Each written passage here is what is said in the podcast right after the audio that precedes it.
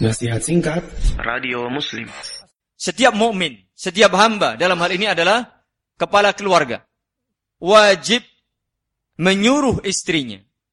Makanya ini penting sekali tadi. Perhatikan. Sahabat itu begitu mendengar perintah Allah dan Rasulnya langsung lakukan. Anda mendengar ini. Waduh, saya belum punya istri. Ya beristrilah sekarang. Segera. Biar Anda bisa menyuruh melakukan ibadah kepada Allah. Ya, Kalau tidak, kapan lagi? Ya ilmu ngaji terus, ya. Kapan praktiknya? Ya. Dan anak-anaknya, perhatikan ini.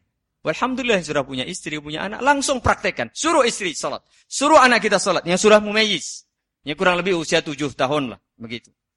Dan semua yang berada di bawah tanggung jawabnya. Ada pembantu, mungkin ada ponaan yang tinggal di situ, ada sepupu, atau siapa saja. Suruh mereka mengerjakan ibadah kepada Allah, menjalankan perintah Allah, menjauhi larangannya. Wa yaquma ala ta'dibihim wa tarbiyatihim wa zajrihim 'inda fi'li ma la yanbaghi. Ya. Hendaknya mendidik mereka, mengajari mereka dan memperingatkan mereka dari perkara-perkara yang terlarang.